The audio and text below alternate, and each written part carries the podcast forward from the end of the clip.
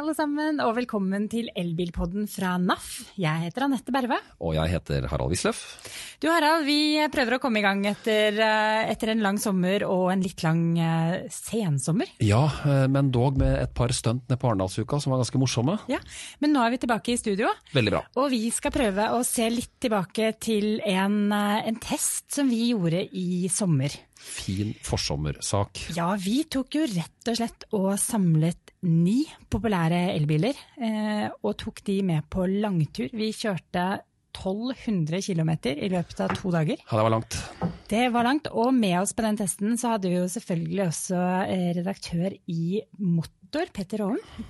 Velkommen til oss i studio. Ja. Takk skal du ha. Jeg tenkte Nå må vi jo rett og slett ta og summere litt opp eh, hva det var vi gjorde erfaringer i, i sommer. Og Peter, har, dette er jo den største testen som NAF og Motor noen gang har gjort.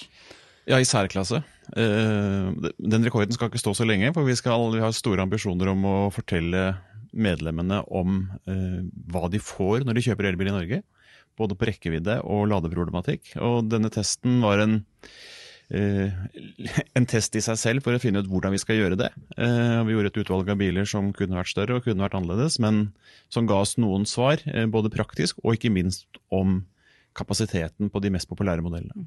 For det vi rett og slett hadde lyst til å finne ut av, det er for den helt vanlige brukeren, er WLTP-rekkevidden noe de kan eh, stole på?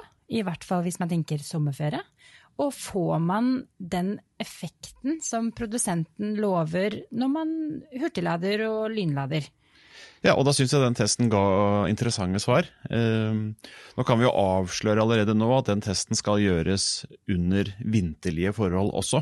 Eh, for den testen vi gjorde nå, den ga oss gode svar eh, for sommertemperaturer. Og der var jo konklusjonene entydige og positive på rekkevidde.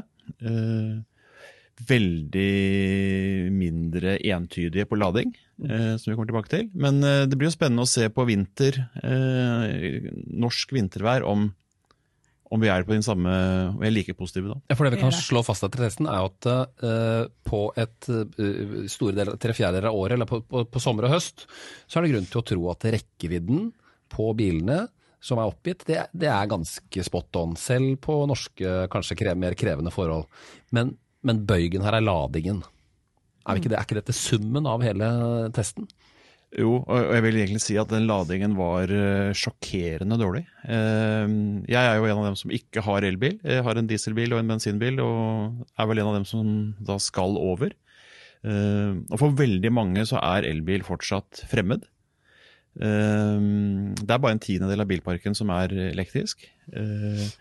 Og man, når man snakker om, med optimisme om å nå et 2025-mål med bare salg av nullutslippsbiler og sånn, så er det helt klart at det er mange som skal over på elbil eh, før dette er en suksess. Og eh, jeg, jeg tror ikke vi kommer dit hvis eh, denne ladestrukturen er som den er nå. Det tror jeg kanskje er den viktigste konklusjonen fra vår test. For den, eh, mange, mange sider ved den ladeproblematikken er helt uh, sjokkerende dårlig. Jeg tror vi skal, altså, vi skal komme tilbake til den senere, for vi skal ikke forlate rekkevidden helt ennå. Det vi jo rett og slett gjorde, var jo å lage en rute som var mer krevende enn WLTP-testruta. Vi ville prøve å gjøre den så realistisk og gjenkjennelig som overhodet mulig. Så vi kjørte jo fra Oslo ut eh, til Gol. Eh, Via Hønefoss. Via Hønefoss. Ordentlig Skikkelig sikksakkrute. Og, og ville ha lage en rute som hadde fjelloverganger, eh, landeveier, vi skulle ha motorvei, vi skulle ha en ordentlig god blanda, vi skulle ha blanda kjøring. Mm. Så egentlig ganske krevende. To fjelloverganger eh, til og med. For etter Gol så kjørte vi eh, over til Gjøvik. Ja, over Bagn. Over Bagn. Bagn. Ja. Men det viktigste er jo at vi gjør noe som folk egentlig aldri gjør. Ja. Vi kjører dem tomme. Mm, og vil finne ut hva skjer med en elbil når det rett og slett ikke er noe mer Ja, igjen. og- og- det var litt og- interessant. Og for testen vår er jo liksom, der er det ikke snakk om at når det viser null kilometer i, i displayet, så, så stopper vi. Men vi, vi kjører den skål tomme til det ikke er mer igjen. At de stopper av Og selv. de kom ganske langt Ja. i null prosent. Vi, Ja. fått, vi laget en sak på motor eh, like etterpå og fikk kjeft fra noen lesere, for det var ikke mulig å kjøre med null prosent på batteriet. Og det, altså, Ja. det var jo biler som gikk og gikk og gikk, selv om det sto null prosent på dette displayet. Og det var, uh, interessant. Ja, Og så er det jo spennende å se at de, de, de går ikke i stykker av å gå til null. Nei, og det, de ta, ta det med en gang. Det ligger jo av seg en skjult eh, del på batteriet, en sånn såkalt brick protection, som, som gjør at det helt, helt bæl tomme går det ikke an å kjøre. Men den har en beskyttelsesgreie, da. Men dette er jo etter null kilometer at, dette- at den kutter. Men altså, de færreste kommer jo til å oppleve det, eh, å kjøre en eh, batteriet helt tomt eh, i livet sitt. De aller fleste eh, svinger innom en ladestasjon og klarer det akkurat de siste, de siste kilometerne. Og Jeg kjører elbil, og jeg tør ikke. Nei, og jeg, jeg må ærlig innrømme at jeg var ganske stressa i forkant av denne testen selv. For jeg, jeg tenkte jeg, jeg visste ikke hvordan jeg skulle forberede meg på det øyeblikket der jeg skjønner at nå kommer jeg ikke til å komme meg videre. Eh, og dette her gjør jeg med vilje. Eh, og hvordan skal jeg sørge for at dette gjøres på en trygg og forsvarlig måte? Sånn at det ikke er til hinder for, eh, for trafikantene rundt. Jeg har aldri kjørt en bensinbil eh, tom for drivstoff heller. Så, og jeg var jo førstemann ut i rekka av bilene vi hadde med. Jeg kjørte en e-Golf, og den, den skal jo i teorien gå 231 km. Nei, 200, jo, 231 km. Og jeg stoppet jo i bakkene opp etter Gol, det er ganske bratte bakker. Ja da. Der begynte jeg å gå tom, og var begrenset til maks 30-40 km i timen. Gassen var utrolig tung. Altså på, jeg fikk jo ikke akselerasjon ut av den bilen overhodet. Den føltes så tung og seig, og bak meg ligger alle dere andre åtte testbilene. Og jeg vet at jeg stopper snart, men jeg, men jeg skal pushe den. Jeg skal ha de siste kilometerne.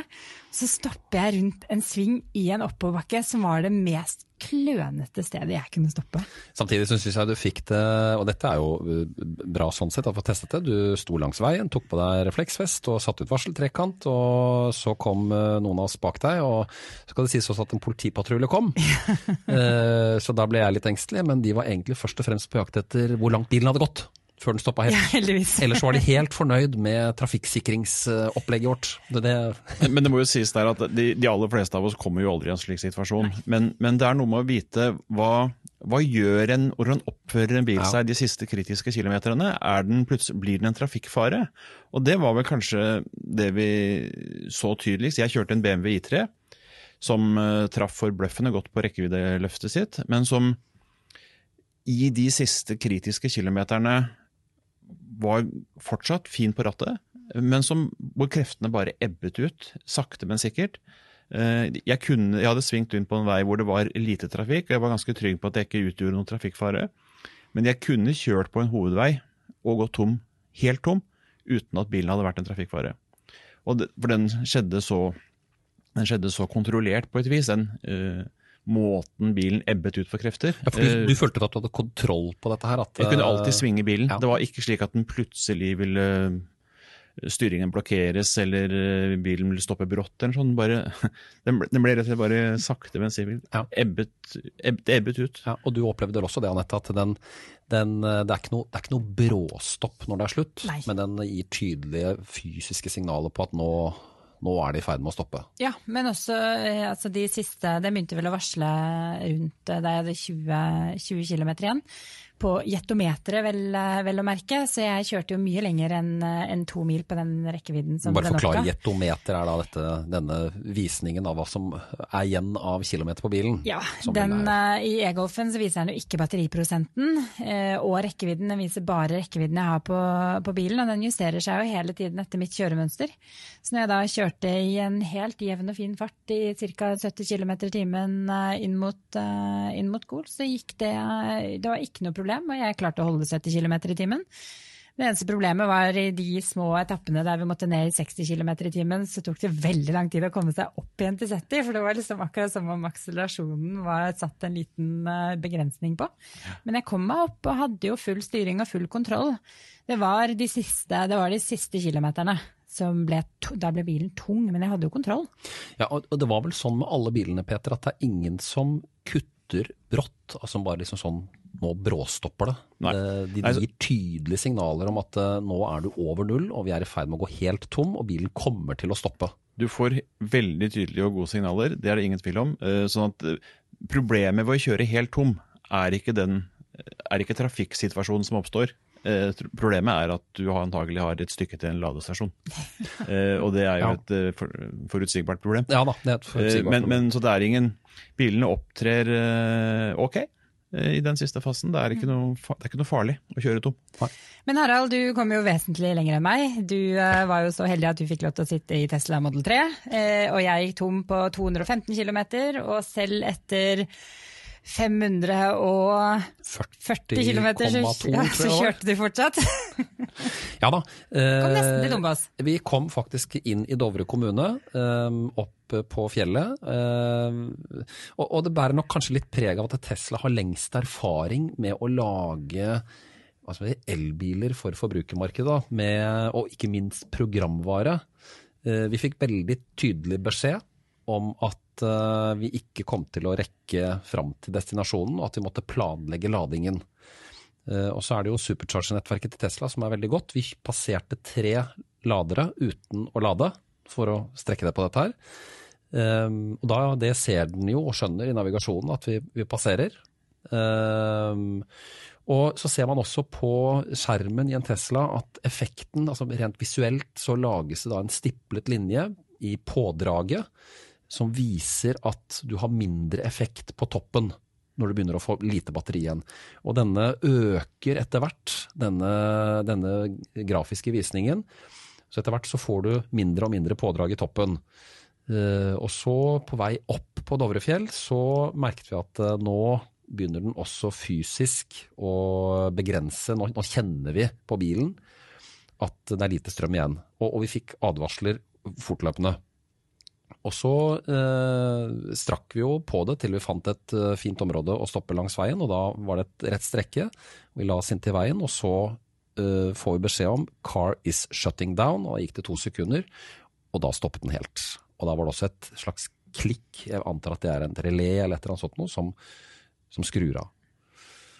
Men så er det jo viktig å som eh, eh, Det er fortsatt et 12 volts batteri på elbilene. Eh, Så eh, bilen fungerer jo fortsatt med dører og vinduer og, og skjermer og alt mulig sånt nå. Eh, Så du har jo på en måte du har kontroll over bilen. Da. Nødlys virker, alt mulig sånt nå. Men også der så oppdaget vi jo ganske store forskjeller. For eh, jeg i e-golfen jeg hadde ikke noe problem med 12-voltsbatteriet. Eh, jeg fikk ikke noe varsel om at det ble tappet, og hadde ikke noe problem når jeg endelig kom til hurtigladestasjonen med å, å få ladet. Men så hadde vi jo med oss en, e, en Kia e-Soul.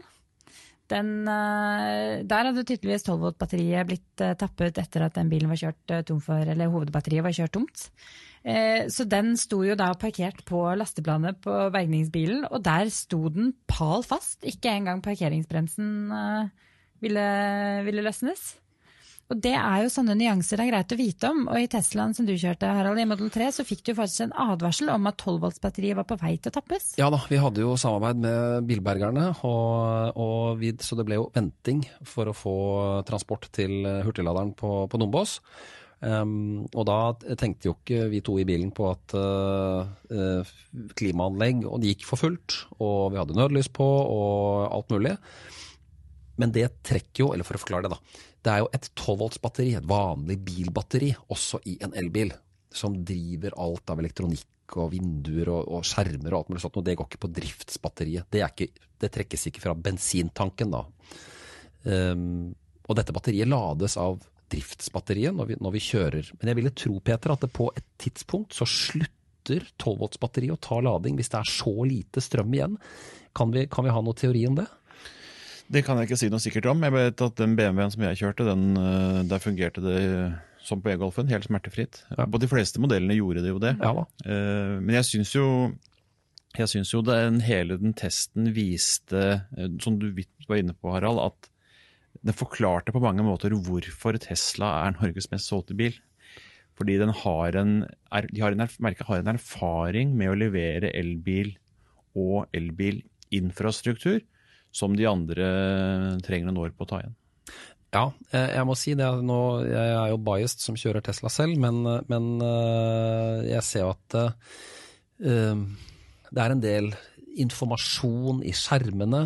eh, Dette å føle seg trygg på, langs veien med at du har nok batteri igjen. Dette, at det er en ladeinfrastruktur. Og som vi sikkert skal snakke om senere, dette med selve ladingen. At den er hassle-free.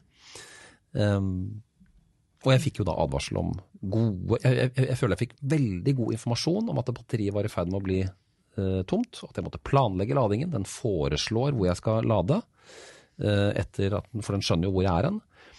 Og dette at 12-voltsbatteriet begynner å få redusert spenning i god tid. Ja, for den varselen der, den merker jeg den Hvis du tenker en, en familie som har begynt på, på ferien sin på, på langturen og, og har feilberegna et eller annet sted som gjør at de havner i denne situasjonen. Det, det, kan, det kan fort skje. Og hvis du da ikke er klar over at også 12-volt-batteriet ditt eh, kan tappes, så risikerer du i det øyeblikket endelig bergningsbilen kommer for å hjelpe deg og frakte deg til nærmeste ladestasjon, så blir det stoppet vesentlig mye lenger enn det hadde trengt å være. fordi da må først 12-volts-batteriet lades før bilen klarer å lade hovedbatteriet, var jo egentlig erfaringene våre. Og faktisk mener jeg å huske at, eh, at, Nissan Leaf 62 kWh-modellen varslet til og med om at bilen egentlig ikke skulle lades på 24 timer. Og Hvis du da har begynt turen din og står der og ikke er klar over at det å kjøre elbilen tom for strøm, er ikke nødvendigvis like rett fram som å kjøre bensinbilen tom for drivstoff. Ja, på den annen side så vet du jo at hvis vi stopper en bensinbil og lar den stå langs veien og, og bruker lys og klimaanlegg og alt som er, så tapper vi jo 12-voltsbatteri der også. Ja. Men igjen, altså, dette er jo, poenget her, det er jo ikke noe som driver, folk driver med. De driver jo ikke og kjører bilen tom. Men, men, eh, det er mer det derre Det er ingen av de andre bilene som har en varsling av og, og, og, forteller om infrastruktur på den måten som Tesla gjør. Uh, de fleste, de fleste, av oss reiser jo med ganske planlagte turer og har kontroll på lademuligheter og, og ladebehov. men jeg kjørte den Teslaen tidligere i sommer eh, fra Marseille og hjem til Norge, og jeg var Jeg tror nesten ikke jeg har hatt en bilopplevelse hvor det har vært så, så ubekymret for, for lading. For det, Teslas supercharger-nettverk og den informasjonen du får i bilen, er, er helt uovertruffen. Eh, og gjør at du eh, det, det, er rett og slett helt problemfritt. For du kan planlegge en tur og stole på den informasjonen du får. Og det mener jeg at den rekkeviddetesten vår også underbygget at det produsentene sier om bilen, hva bilen kan levere av eh, distanse, og det gjelder alle merkene, eh, det stemmer. Det blir veldig spennende å se om det stemmer også på vinterstid, men det stemmer på sommerstid. Eh, og det mm, men altså selv i, en, selv i, en, BMW eller en Volkswagen så har du jo ikke noen informasjon om hvor langt det er til eh, neste grønt kontaktpunkt, hvis ikke du kobler på en telefon eller en app eller noe slike ting. Ja, eller du må inn i bilens eh, navigasjon og platte inn og, og, søke opp de nærmeste ladestasjonene. Det, men det er et eller annet med den brukervennligheten som har, eh, Tesla har klart å få til.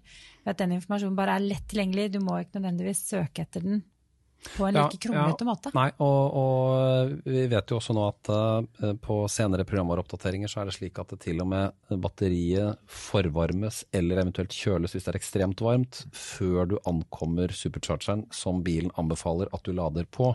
Som optimaliserer da batteriet på vei til superchargeren. Men, men dette det er nesten urettferdig å sammenligne det, eh, fordi det er uh, det er så fundamentalt annerledes ja. i forhold til the rest of the world. Og så kommer dette til å skifte. ikke sant? Nå kommer Volkswagen med sin uh, ID-satsing. Uh, og da uh, gjør det jo da, Med det kommer et voldsomt løft. Det blir veldig spennende å se hva som ligger i infrastrukturtenkning i mm. Volkswagen i første fasen. Men det er klart at det forspranget som Tesla nå har, det kommer de til å ha i noen år til, tre, fire, fem år til, uansett hva de andre gjør. For de har allerede et globalt ladenettverk.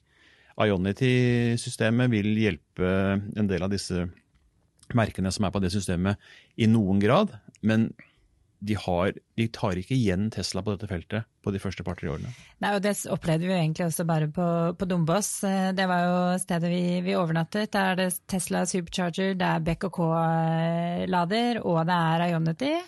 Så vi visste at der har vi ganske greit med lademuligheter for alle bilene vi hadde med. Eh, hadde det ikke vært for? Hadde det ikke vært for at halvparten av laderne var ute av drift. Så alle superchargerne eh, fungerte. Og halvparten av Ionity-laderne og halvparten av BKK-laderne var ute av drift i to dager. På Dombås. Ja, ja. Nei, dette er, og dette er, dette er jo sånn som er veldig irriterende.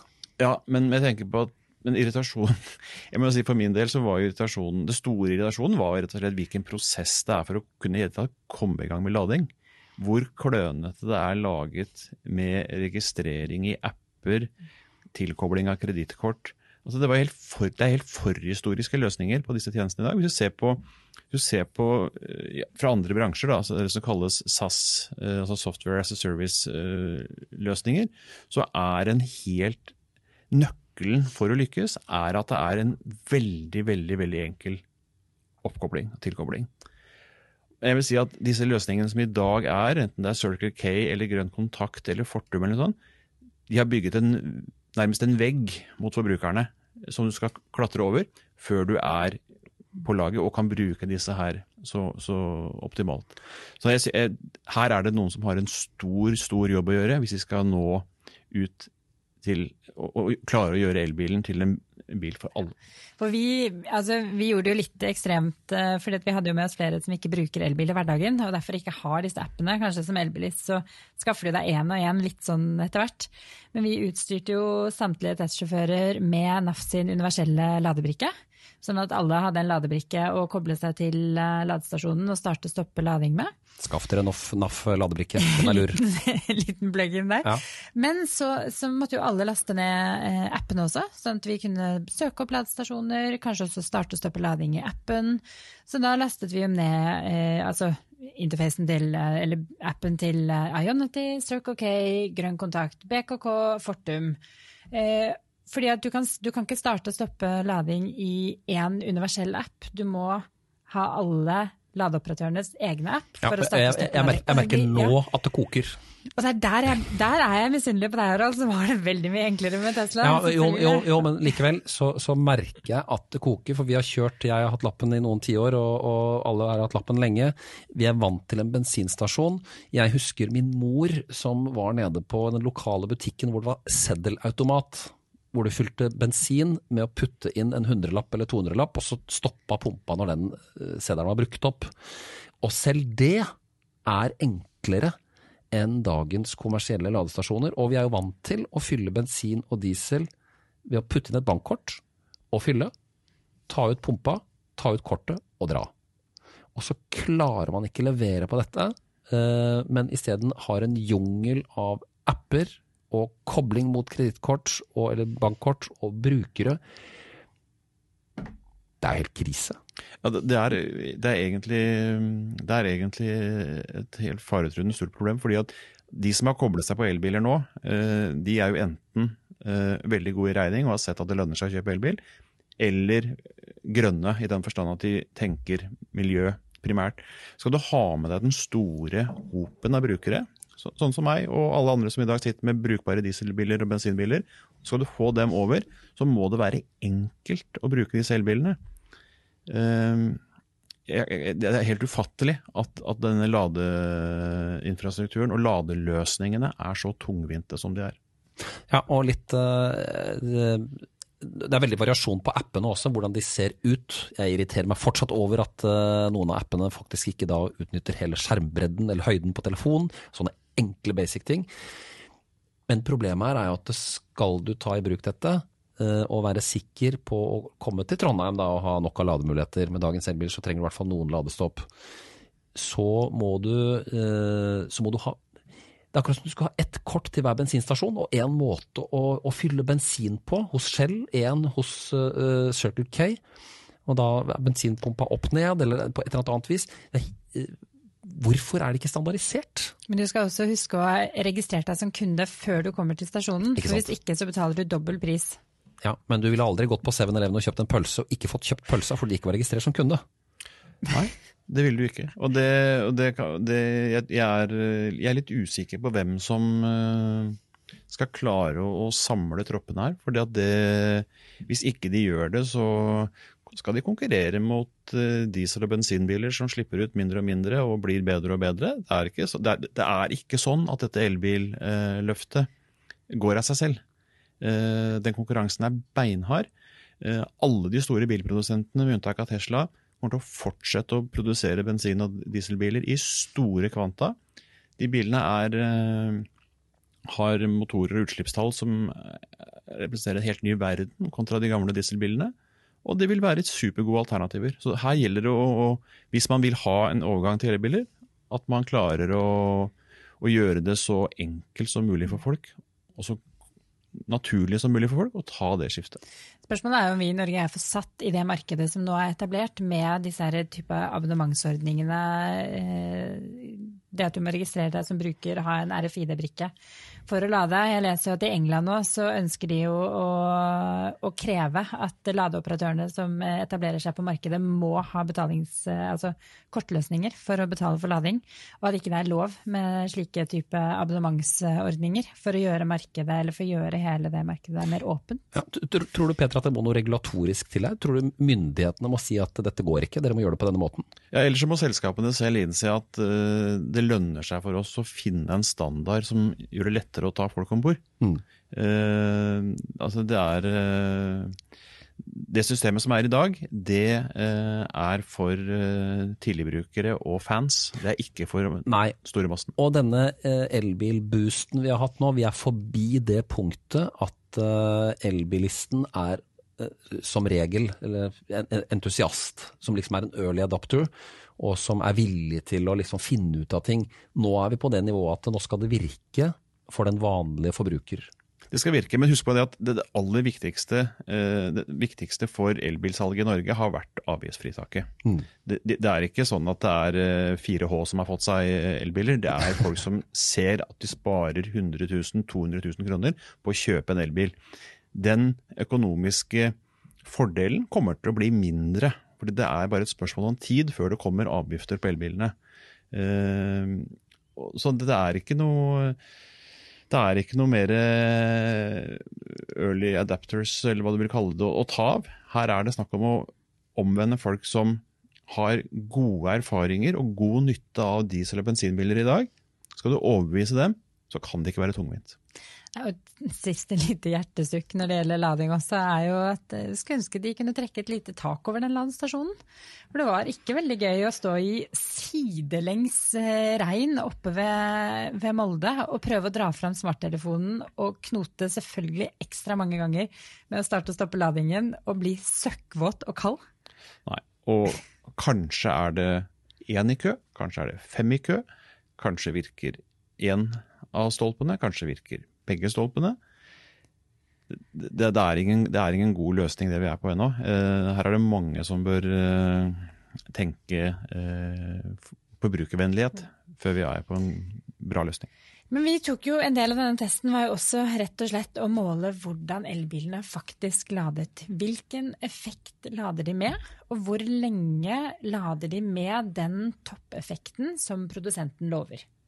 Og Det vi jo gjorde da, det var å prøve å gjenskape eller skape så optimale forhold som overhodet mulig, sånn at vi visste at batteriet var driftsvarmt, sånn at det tok imot eh, lading eh, optimalt.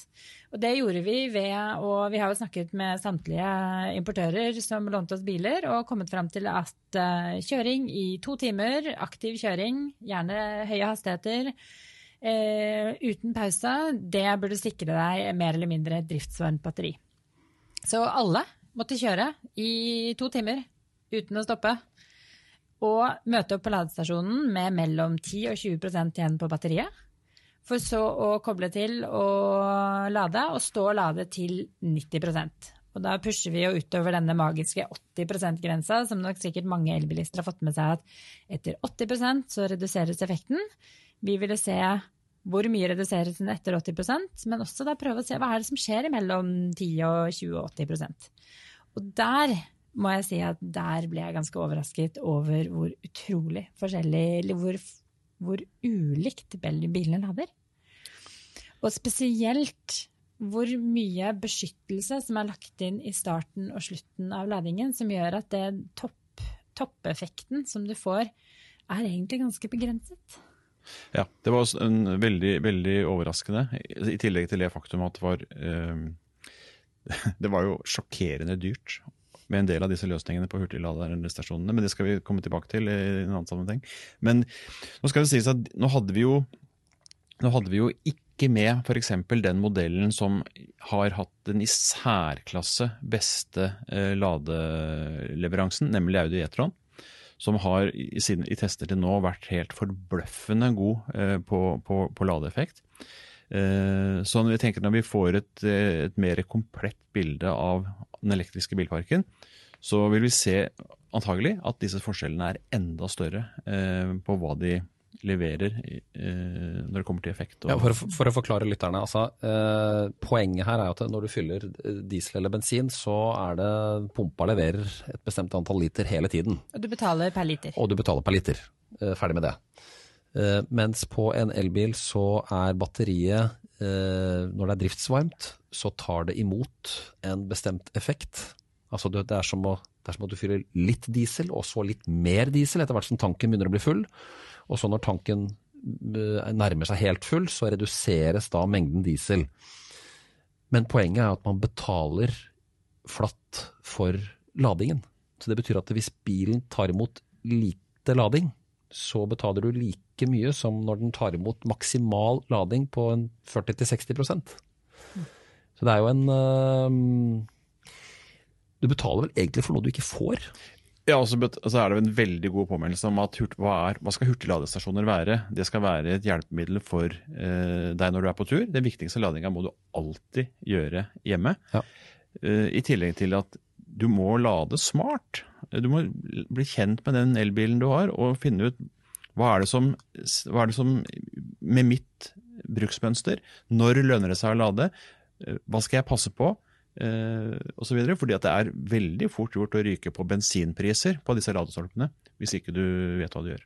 Ja, fordi operatørene skal jo tjene penger. Selvfølgelig. Mm. Ja, og det slår ut. Har du en bil som lader lite effektivt, altså lader med, med lav effekt, og du ja, tror du kunne ha ladet på en lynlader og plugger deg inn på feil ladestasjon og betaler 3,50 minutter for lynlading når bilen din egentlig bare tar imot 50 kW, eller lavere enn det til og med så, så, betaler du jo fort for noe du ikke, ikke, får. Og dette her er jo komplisert, og jeg skjønner jo at importørene også de, de sier jo at dette er komplisert å forklare til forbrukerne, og vil ikke overkomplisere det. Så veldig mange av de eh, oppgir jo ikke effekten du får ladet med. Men de oppgir gjerne hvis du lader på en 100 kW lader, så bruker du 50 minutter på å fullade batteriet. Men litt sånn hvis man er ny elbilist da, så kanskje man tenker ok, men 100 kW, da får jeg 100 kW, da. Så da plugger man i på en 150 kW-lader, og så tenker man at man har lest et eller annet sted at man skal få 100 kW, og så ser du i skjermen at ja, men jeg får jo bare 56. Ja, og dette er jo liksom det, det, er, det er som det kommer mye mindre diesel ut av, av, pumpa enn det du eh, regnet med, men du betaler fortsatt for lite prisen. og tiden du står der. Og tiden du står der. Og dette her slo jo aller verst ut for begge Nissan Leaf-modellene vi hadde med. Ja.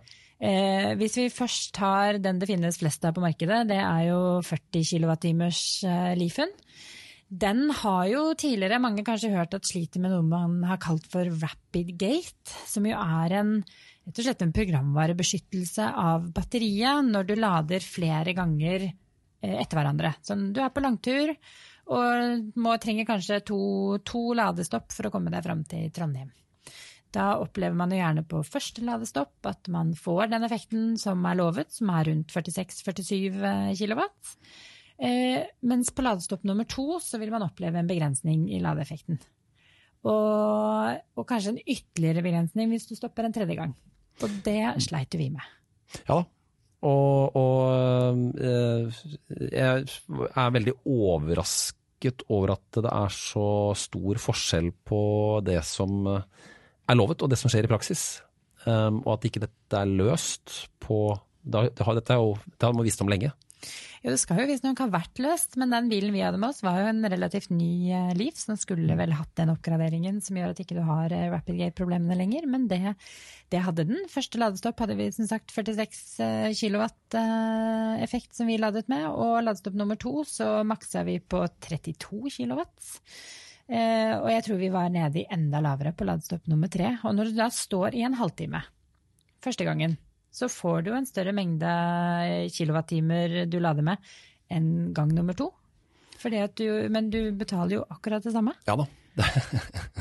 Det føles som penger ut av vinduet. Ja. Det er penger ut av vinduet, men nå har, nå har jo Jeg tror det var overraskende for Nissan og de funnene vi, de vi, funnene vi hadde. Eh, jeg ser jo at de, har, de, gjør hva de kan for å eh, prøve å rette det opp. Eh, det er spørsmålet er hva de får til. Eh, der har vi ikke fått noe endelig beskjed.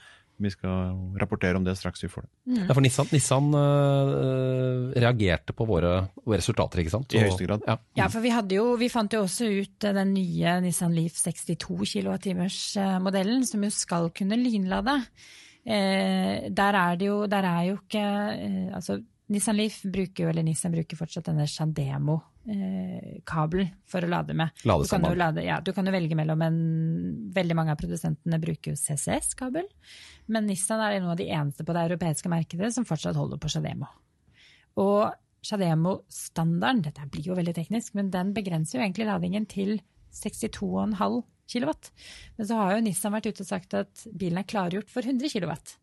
Men den teknologien finnes jo ikke på markedet ennå. Og da er det ladestasjonen som er problemet, ikke sant? Yes, Ja. Men så fikk vi jo ikke, vi fikk jo ikke 62 kW engang. Vi fikk jo bare 46 eller 47 kW. Så det er jo fortsatt enda et avvik fra det vi fikk opp til det vi skulle ha fått ut fra den tekniske standarden, og enda lenger unna det Nissan lover. Så vi har en Nissan hadde ikke en veldig god eh, dag etter vår test. Nei, nå skal det det sies at de de, bilene de leverte mer rekkevidde enn venta, men, men eh, hele ladeerfaringen, også med Nissan, var jeg bare en påminnelse om at dette må gjøres enklere. Og det må kommuniseres bedre. Ja, for, for Petter, dette her øh, Hva skal man si? Oppsummeringen av ladeopplevelsen vår, hvis du tar bort Tesla, er at her må det forenkling til. Og det må en prismodell som folk forstår, og som de føler er rettferdig. Eh, Og man eh, må finne på noe annet enn 1000 apper man skal bruke. Ja, det er i, hvert fall, I første omgang så er det helt åpenbart vår jobb å finne, forklare folk hva de må tenke på, og gi dem gode råd om uh, hvordan du lader smart. Uh, for det å lade smart er, uh, er første bud. Så får man se om man klarer å lade, bygge et nettverk og en struktur som gjør det lettere for folk å lade smart. Eh, det er jeg ikke sikker på at de får til, men eh, det er noen veier eh, rundt som vi må forklare våre medlemmer om. Men det var, det var overraskende komplisert og overraskende dårlig. Det er jo den nye drivstofføkonomien vår, dette med å lade smart. Rett og slett. Og det Jeg tror nok både produsentene og importørene har en lang vei å gå med å kommunisere dette her på en god nok måte, og kanskje tørre å være litt mer ærlig med oss forbrukerne. eh, Og tørre å snakke om det vanskelige. Det som kanskje er litt teknisk. Ja, og så er det jo veldig spennende å se om, eh, det, som det har ryktes i mange år, om Tesla kommer til å åpne sitt supercharge-nettverk for andre bilmerker. Det kan det være til hjelp for noen. Men nå skal det sies at Apropos andre bilmerker, så har vi fått mange henvendelser om hvem, hvilket utvalg av biler vi gjorde. Ja. Eh, og Vi utelot jo én modell som er veldig populær, nemlig Renault Zoe. Grunnen til at den ble utelatt, er rett og slett at den kom, kommer nå i høst med en betydelig bedre motor. Og for alle som kjøper Renault Zoe nå, så vil nok antagelig den nye, den nye bilen være mm, ja, den de velger. Uh, I neste test så kommer Renault Zoe til å være med. Uh, og Så kan vi bare trøste dem med at i mellomtiden så har vår prøvekjøring av bilen vist at den er kjempegod, har god rekkevidde og kommer til å være et superalternativ for de som vil velge bil i den klassen. Og den får CCS, Den på CCS. nettopp. Da kan den hurtiglade.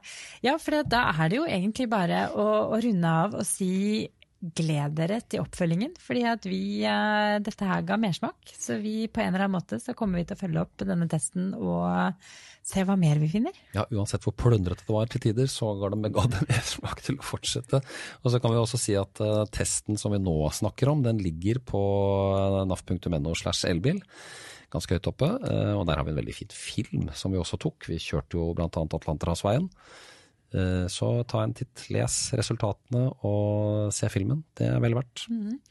Så da, vi, vi runder av, Peter. Takk for at du kom og, og delte dine erfaringer og tanker om testen. Selv takk. Så kan dere selvfølgelig ta kontakt med oss hvis dere sender en e-post til elbilkrøllalfa.naf.no. Også, som jeg nevnte, naf.no elbil. Der finner du masse smart. Og så er vi på Facebook, på NAF elbil på Facebook. Hvor det er nyheter og alt vi ønsker å dele med dere. Naffa på Instagram. Det også. Vi er overalt her. Vi er overalt. Så er vi tilbake om eh, 14 dager med en ny gjest her fra studio i Skippergata. Og da høres vi og ses igjen. Det vi. Ha det godt. Ha det!